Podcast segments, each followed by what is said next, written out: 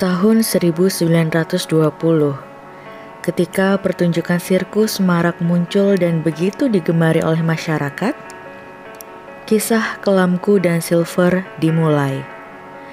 Sebetulnya, kisah-kisah mengerikan sekaligus candu itu terjadi sebelum tahun itu. Hanya saja, kupikir aku akan menceritakan yang itu nanti, jika sempat. Aku dan Silver adalah kembar dengan watak dan karakter yang berbeda. Amat sangat berbeda. Jika aku adalah representasi sabar, sopan, lemah lembut, dan rendah hati, maka Silver sebaliknya. Ia kasar, tak mudah diajak kompromi. Ya, ini semacam kisah klise begitu. Namun anehnya kami tak pernah bertengkar untuk hal-hal sepele. Silver hanya bicara dan bersikap angkuh pada orang lain, tidak padaku. Kami tumbuh besar dan terjebak di sebuah panti asuhan kecil di pelosok negeri. Seharusnya kami punya orang tua. Seharusnya. Sayangnya, Kondisi ekonomi yang sulit membuat kami dibuang ke sana dan tak pernah sekalipun bertemu dengan ayah dan ibu. Silver hidup dengan segala amarah yang ia pendam terhadap keduanya.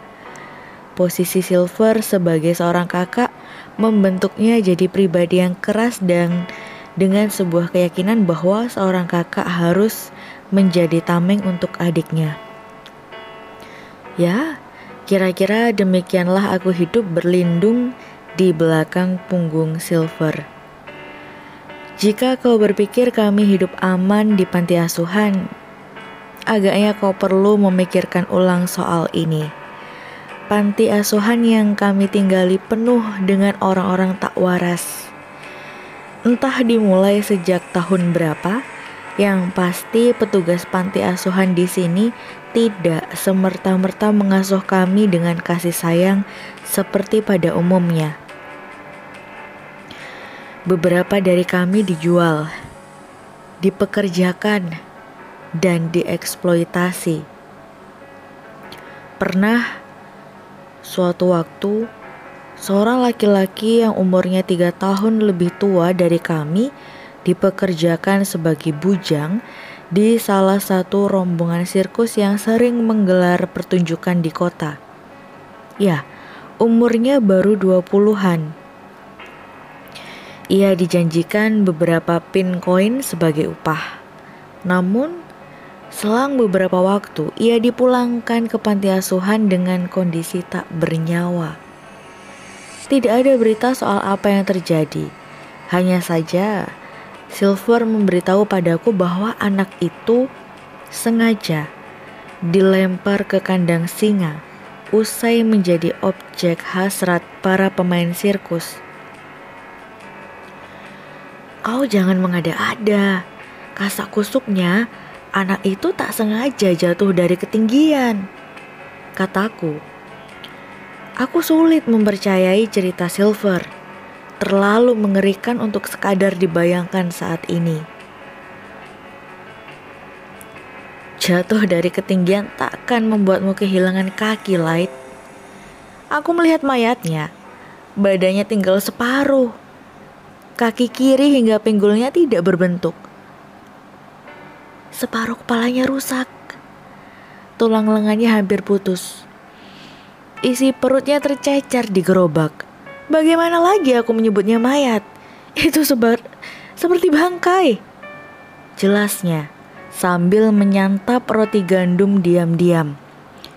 Dia masih bisa menelan makanan itu meski bercerita demikian.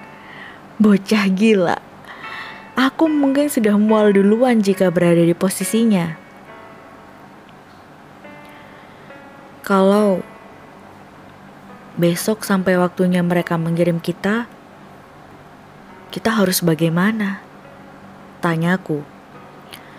Perasaan ngeri itu datang lagi.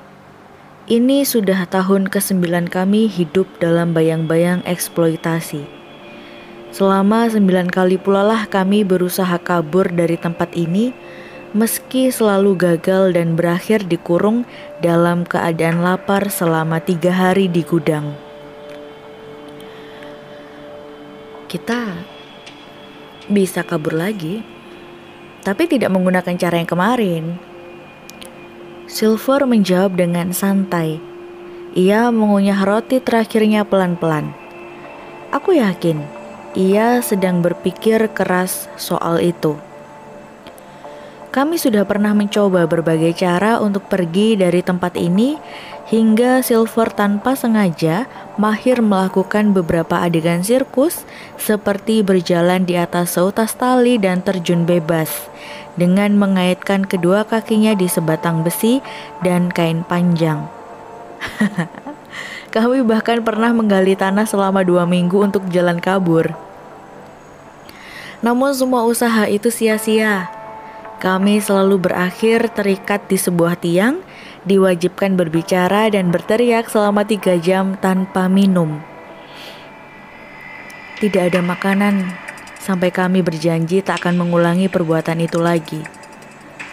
Beberapa kali, aku dan Silver berpikir bahwa lebih baik kami dibuang di jalanan daripada harus mengalami kegilaan ini.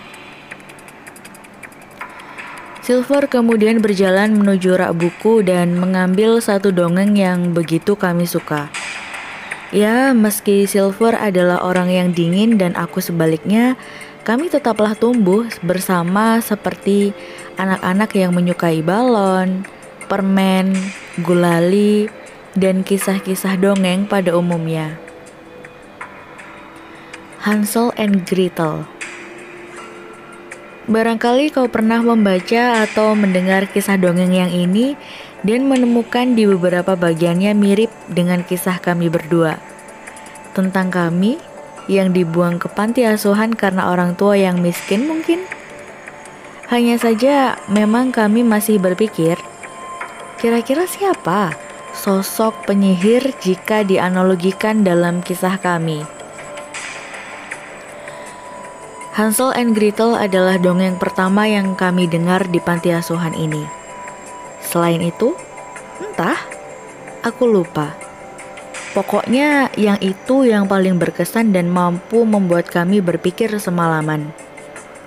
Bagiku dan Silver, dongeng adalah salah satu bentuk penyampaian hal buruk dengan cara terbaik yang pernah ada.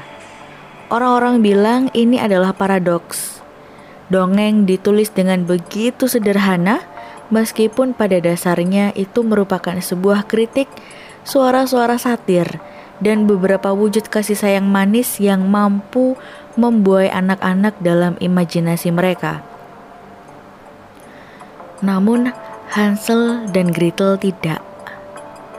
Sejak awal diceritakan, Hansel dan Gretel tidak sedikit pun mencicipi kasih sayang manis mereka terus hidup dalam berbagai pelarian dan petualangan tak berujung hingga bertemu dengan penyihir yang pandai berkamuflase. Dari situlah aku dan Silver meyakini bahwa rumah tak sepenuhnya adalah tempat ternyaman. Ibarat Hansel dan Gretel, aku dan Silver kini berada di hutan belantara kami ingin keluar dari sini, tapi tidak untuk kembali ke rumah. Lagi pula, rumah siapakah yang akan kami tuju? Orang tua? Kehadiran kami saja bahkan ditolak. Light pernah berpikir bahwa orang-orang di panti asuhan ini cukup baik meski mereka semua iblis. Tanya Silver padaku. Aku bingung harus menjawab bagaimana. Mereka mengeksploitasi kita tapi tetap memberi makan? Mungkin itu satu-satunya kebaikan orang-orang ini. Responku ragu. Apa yang mereka lakukan ketika kau sakit? Aku menerka apa yang ingin dilakukan Silver dengan jawaban-jawaban atas pertanyaan yang tiba-tiba. Sayangnya aku tak bisa memikirkan apa pun saat ini. Yah, aku tidak sekreatif ia.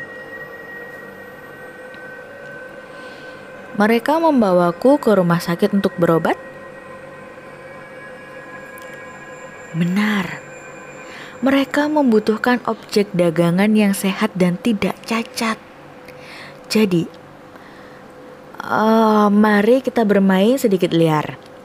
Jika kali ini kita berhasil, kau dan aku harus mengambil jalan yang berbeda.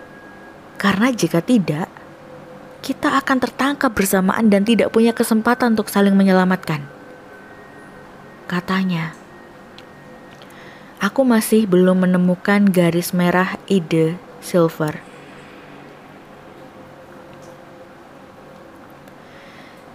Jadi, apa yang harus kita lakukan? Harus liar bagaimana?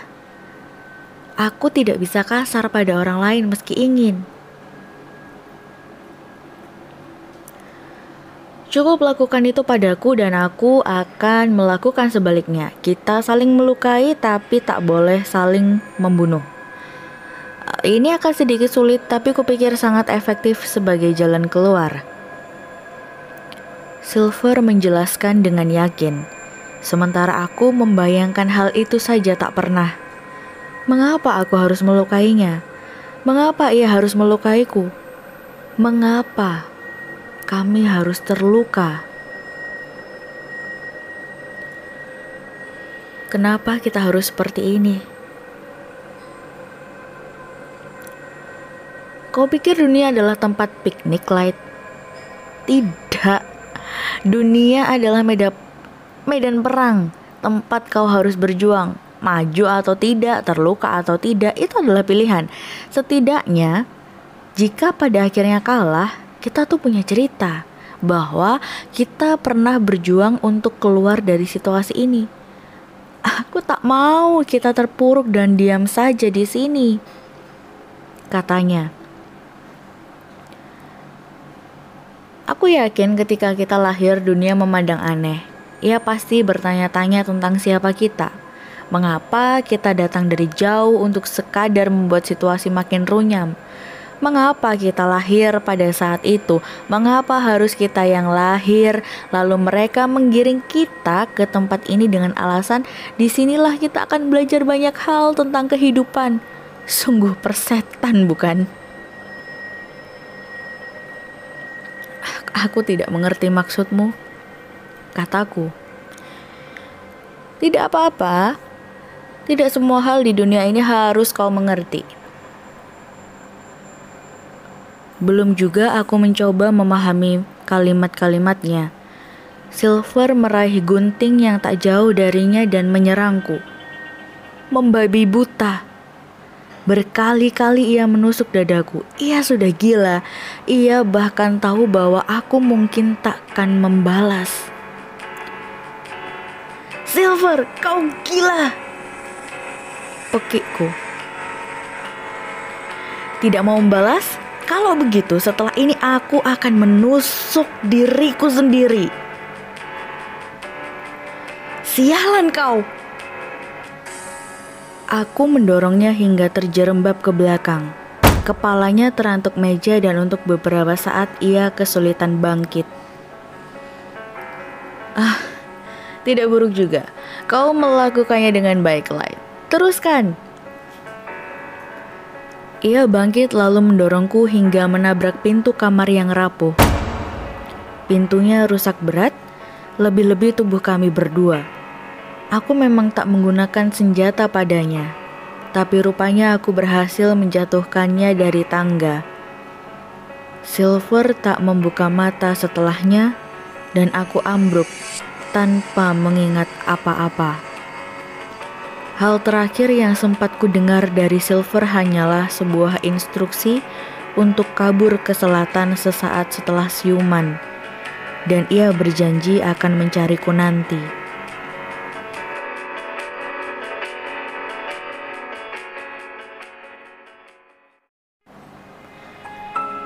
Tanpa kusadari, pertengkaran dengan Silver adalah pertemuan terakhir kami. Aku benar-benar melakukan instruksi Silver dan berhasil kabur sejauh mungkin ke selatan dengan luka ini. Sama sekali tak menoleh ke belakang, Aku terus berjalan meski beberapa kali sempat pingsan di pinggir jalan setapak. Dari situ aku lalu mengingat samar, diriku sudah berjalan terlalu jauh. Aku sempat masuk ke dalam hutan yang gelap dan berkabut dengan gemerisik suara dedaunan yang ribut. Melihat pohon yang seolah memiliki berpasang-pasang mata, sosok misterius yang mengikuti langkahku hingga benakku bergidik dan kaki ini memutuskan untuk berlari. Lalu tubuh ini tersungkur dengan sukarela di tepi hutan gelap berkabut, tak berdaya. Saat itu, sosok terakhir yang kulihat adalah seorang perempuan di dalam kereta. Kereta kuda yang ditumpanginya lewat dan jendelanya terbuka sedikit. Kereta itu tiba-tiba berhenti setelah melewati tubuhku yang tak berdaya di tepian hutan ngeri. Lalu entah bagaimana ceritanya aku berada di sebuah tempat semacam tenda-tenda besar yang berbau minyak pekat. Sudah bangun. Seorang pria parubaya dengan cerutu di tangan kirinya menghampiriku. Keningnya mengerut. Ia memandangiku dengan tatapan dingin. Ya, Ya, jawabku tak yakin. Tatapan pria itu seperti pernah bertemu denganku sebelumnya. Aku tak mengerti kenapa. Kenapa kau kabur? Hmm? Kemarin aku membawamu ke sini untuk menyelamatkanmu. Aku tak ada niatan buruk seperti rombongan-rombongan sirkus yang lain. Mereka sepenuhnya gila Sebagian dari orang-orang ini, mereka adalah yang berhasil kuselamatkan dari jalanan. Jangan berprasangka buruk, Silver. Silver? Silver kemarin ke sini? Dia ke selatan? Tapi kenapa? Bukankah harusnya ia pergi ke utara seperti katanya? Jadi jadi pada akhirnya di mana dia? Ah, maafkan aku, aku sedang dalam keadaan tak baik. Aku hanya bisa mengatakan hal itu karena tak mengerti apa yang sedang terjadi di sini dan mengapa mereka memanggilku Silver. Hanya satu hal yang ada dalam pikiranku saat ini, bahwa Silver pernah menginjakkan kaki di tempat ini beberapa saat lalu, tapi ia pergi. Jujur saja, kami memang tak pernah kabur sejauh ini. Namun, tidakkah itu aneh ketika perkataan dan perbuatan Silver tiba-tiba tidak sinkron? Satu persatu orang yang ada di tenda itu keluar, menyisakan aku dan perempuan yang ada di kereta tadi. Ia tak mengatakan apa pun dan hanya memandangiku dalam diam. Alih-alih salah tingkah dipandangi oleh seorang gadis, aku justru penasaran dengan barisan toples yang ada di belakangnya. Beberapa toples diisi dengan barang-barang seperti ikat pinggang, sobekan kain, ladam, dan tali. Hmm, maaf mengganggu waktumu, tapi Toples-toples itu digunakan untuk apa? Kenapa barang-barang itu diletakkan di sana? Tanyaku. Aku penasaran. Sungguh. Gadis itu menatapku sekali lagi tanpa ekspresi, lalu menulis di sebuah kertas.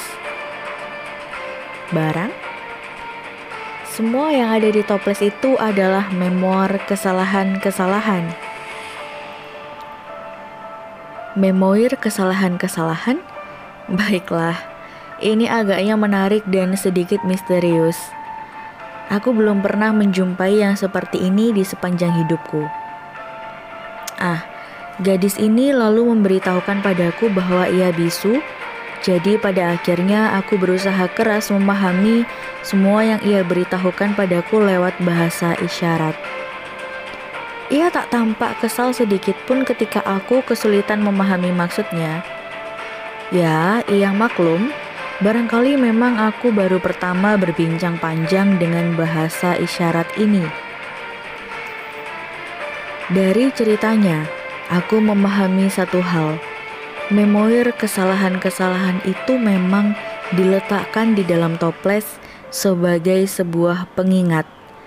Alarm Ladam ini misalnya, Lauren, nama gadis itu, bilang bahwa ladam sengaja dimasukkan ke dalam toples karena kesalahan si kuda dan penunggangnya ketika mereka berada di arena sirkus pada sebuah penampilan.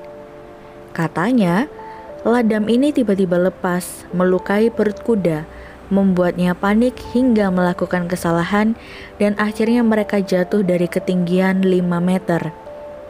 Kudanya selamat, penunggangnya tidak. Tragis.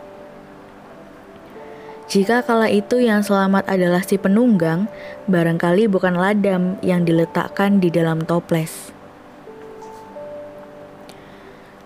Lalu apa yang diletakkan di sana jika penunggangnya masih hidup?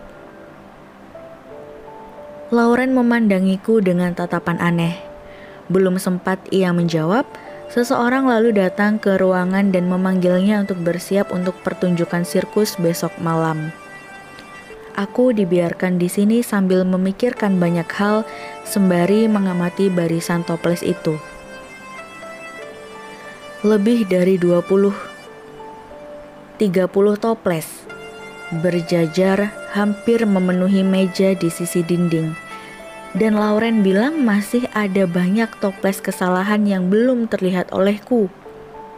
Ya, jika memang bakal ada sebanyak itu dan terus bertambah, maka bisa diartikan bahwa masing-masing orang tidak belajar dari kesalahan mereka. Mengerikan. Bahkan ketika ada hukuman pengingat kesalahan pun manusia sulit berubah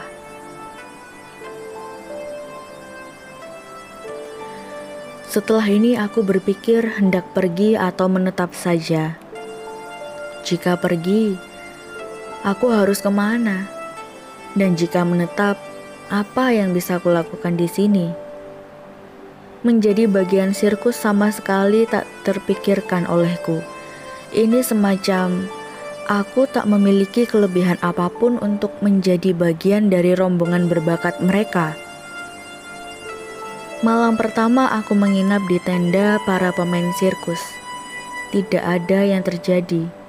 Aku hanya berdiam di tempat yang tadi sambil terus-menerus merasakan nyeri di luka tusukan silver beberapa saat lalu. Tidak ada pemandangan yang melegakan hatiku. Semua yang ada di tempat itu tampak membosankan dan sedikit agak mengerikan jika terus-terusan dipandangi. Lebih-lebih sekumpulan toples yang masih kosong. Masih penasaran dengan toples-toples itu? Seseorang masuk sambil membawa beberapa lembar roti gandum dan air. Aku menduga dari luar ia mengamatiku cukup lama. Bagaimana kau? Lauren bercerita, "Ini, makan dulu." Ia menyodorkan lembaran roti gandumnya dan memaksaku untuk makan meski tak lapar. Kenapa toples-toples yang isu masih kosong? Tanyaku. Aku melihat sekitar 4-5 toples besar kosong bertengger memenuhi tempat. Maksudku, jika memang belum akan digunakan, ada baiknya mereka disingkirkan daripada memenuhi tempat seperti itu. Estetik pun tidak. Kosong? Itu tidak kosong. Baiklah. Kurasa dia sengaja bercanda untuk mencairkan suasana yang cukup membosankan ini. Aku mencoba memahami sambil terus memikirkan perkara silver yang sempat disebutkan oleh pria cerutu beberapa saat lalu. Terima kasih sudah mencoba berkelakar, tapi ini akan menjadi malam yang menyenangkan, sahutku. Berkelakar? Siapa? Kau pikir aku sedang bercanda rupanya? Aku menelan ludah. Jika ia tidak sedang berkelakar, apakah itu artinya toples-toples itu sungguh terisi? Sekali lagi aku mencoba mengerti, namun nyatanya semakin aku memikirkan banyak hal, semakin aku tidak mengerti. Tapi aku tidak melihat apa pun. Apakah itu sesuatu yang memang tak kasat mata? Ragu, tapi aku menanyakannya. Ya, malam semakin menarik dan alih-alih Suasana mencair, kupikir sekarang sekelilingku makin mencekam. Angin malam sudah berhasil menembus tirai-tirai yang terpasang di pintu utama. Aku bergidik. Pernah ku dengar sebuah cerita bahwa ketika angin berembus menyapa tengkuk dan itu terasa begitu halus, maka saat itulah bulu kudukmu meremang. Ada sebentuk perasaan yang berdesir hingga membuat imajinasimu bermain tentang mungkinkah ini ada sesuatu yang hadir tapi tak terlihat? Atau barangkali ada sesuatu yang tersenyum diam-diam? Di sisi kita yang tengah berdebar. Membayangkannya cukup ngeri dan aku tiba-tiba ingat Silver, manusia yang tak kenal takut dengan hal apa pun. Ia selalu bilang, takut bukan pilihan untuk menghadapi sesuatu.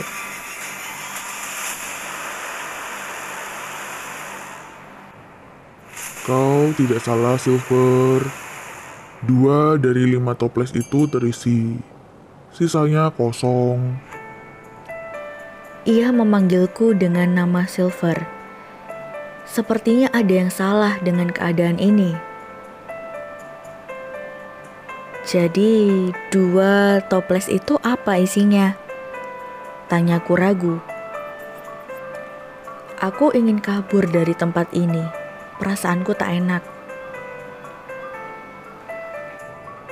Toples pertama itu isinya ekspresi. Yang di sebelahnya itu berisi perasaan. Mendengar jawabannya, aku pun berpikir, ini kali pertama diriku merasa tak aman berada di luar panti asuhan. Sungguh, tempat ini bahkan terasa jauh lebih aneh dari yang kupikirkan. Suasana ini tiba-tiba lebih menyeramkan dibanding kau membayangkan ada sosok tak terlihat yang menemanimu membaca. Jika yang laki-laki itu katakan tentang toples-toples kosong ini benar, maka harusnya aku sudah bisa menyimpulkan beberapa hal. Lauren, gadis di kereta. Ia bisu. Gadis itu tidak punya lidah. Ah, uh, tidak maksudku. Mungkin saja lidahnya dipotong dan dikoleksi dalam toples sebagai sebuah memoir kesalahan. Pertanyaannya, jika benar demikian, di toples mana kira-kira lidah Lauren disimpan? Lalu, Pria ini, sejak ia datang menghampiriku, tak ada sedikit pun ekspresi yang ditunjukkannya. Mungkinkah ia seseorang yang ekspresinya disimpan di dalam toples? Jadi, bukankah itu artinya tempat ini jauh lebih mengerikan dari yang terlihat? Ini bukan hanya sekadar cerita tentang orang-orang sirkus, tapi juga sejenis sihir atau apa? Mungkinkah kali ini aku sudah bertemu dengan penyihir? Tiba-tiba aku mengingat dongeng Hansel and Gretel. Aku beringsut menjauh dari laki-laki tanpa ekspresi itu, sementara ia tak terlihat sedikit pun melepaskan tatapannya dariku. Tidak berselang lama, pria cerutu datang. Aku tak bisa pergi ke mana pun sekarang. Ia benar-benar sejalan dengan analogi Hansel and Gretel. Jika aku benar, maka sekarang yang terjadi adalah aku sedang terjebak di rumah penyihir dan sebentar lagi mereka akan memakanku. Jadi, aku harus bagaimana? Mendorong penyihirnya ke dalam oven? Kau mau ke mana dengan tubuh seperti itu, Silver? Tanyanya. A aku Sial, aku tergagap. Keduanya mengunci tatapan hanya padaku. Nak, bukankah seharusnya sebagai orang baru, kau belajar sedikit menahan rasa ingin tahumu? Kau bisa mencari tahu pelan-pelan tentang cerita-cerita di tempat ini. Tak perlu buru-buru. Ah, ini sudah tidak menarik lagi. Kalau dalam beberapa malam kau sudah banyak memberi kesimpulan-kesimpulan dalam kepalamu, ini tidak benar. Ini sebuah kesalahan. Ia makin dekat padaku. Kemudian tanpa sadar pikiranku menanyakan satu hal bodoh. Bagaimana jika Pria cerutu ini adalah seorang yang perasaannya dimasukkan ke dalam toples. Bukankah itu artinya Kurasakan barang pecah belah menghantam kepalaku kuat-kuat. Aku tersungkur. Tubuhku ambruk tapi kesadaranku masih ada.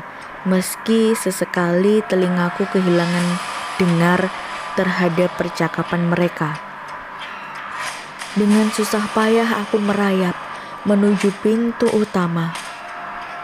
Orang-orang ini, mereka gila. Dalam kekalutan aku hanya bisa berpikir bahwa mereka menagetkan pikiranku untuk dipenjarakan dalam toples sebagai memoir kesalahan. Padahal aku tak benar-benar melakukan kesalahan. Apakah mengajukan sebuah pertanyaan adalah sebuah kesalahan? Mengapa manusia begitu tak terduga? Mengapa mereka sangat mudah menghakimi pemikiran orang lain?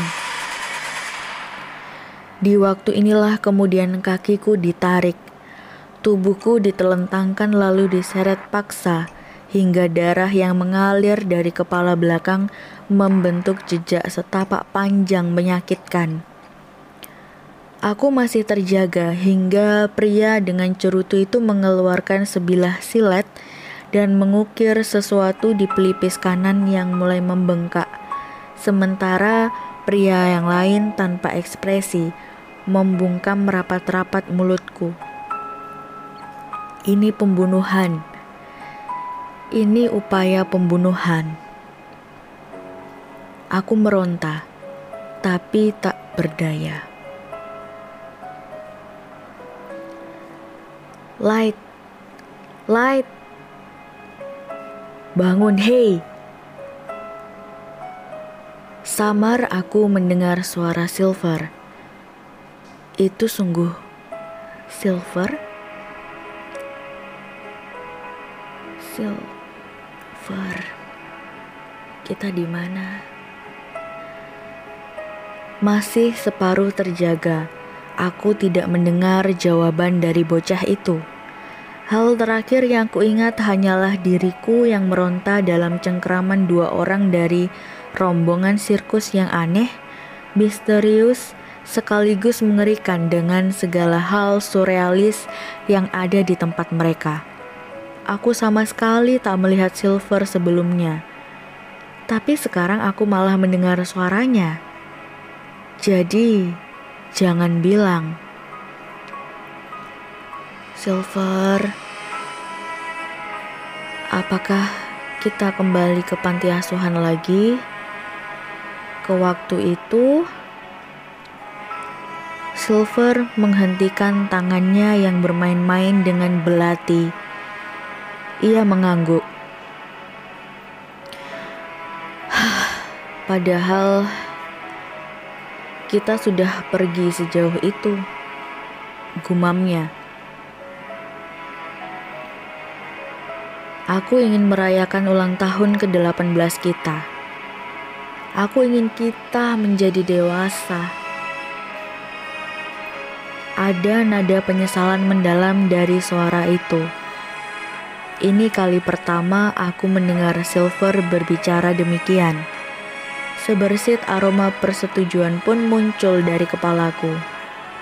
Ya, aku ingin merayakan ulang tahun ke-18 kami yang sudah tertunda selama hampir satu dekade.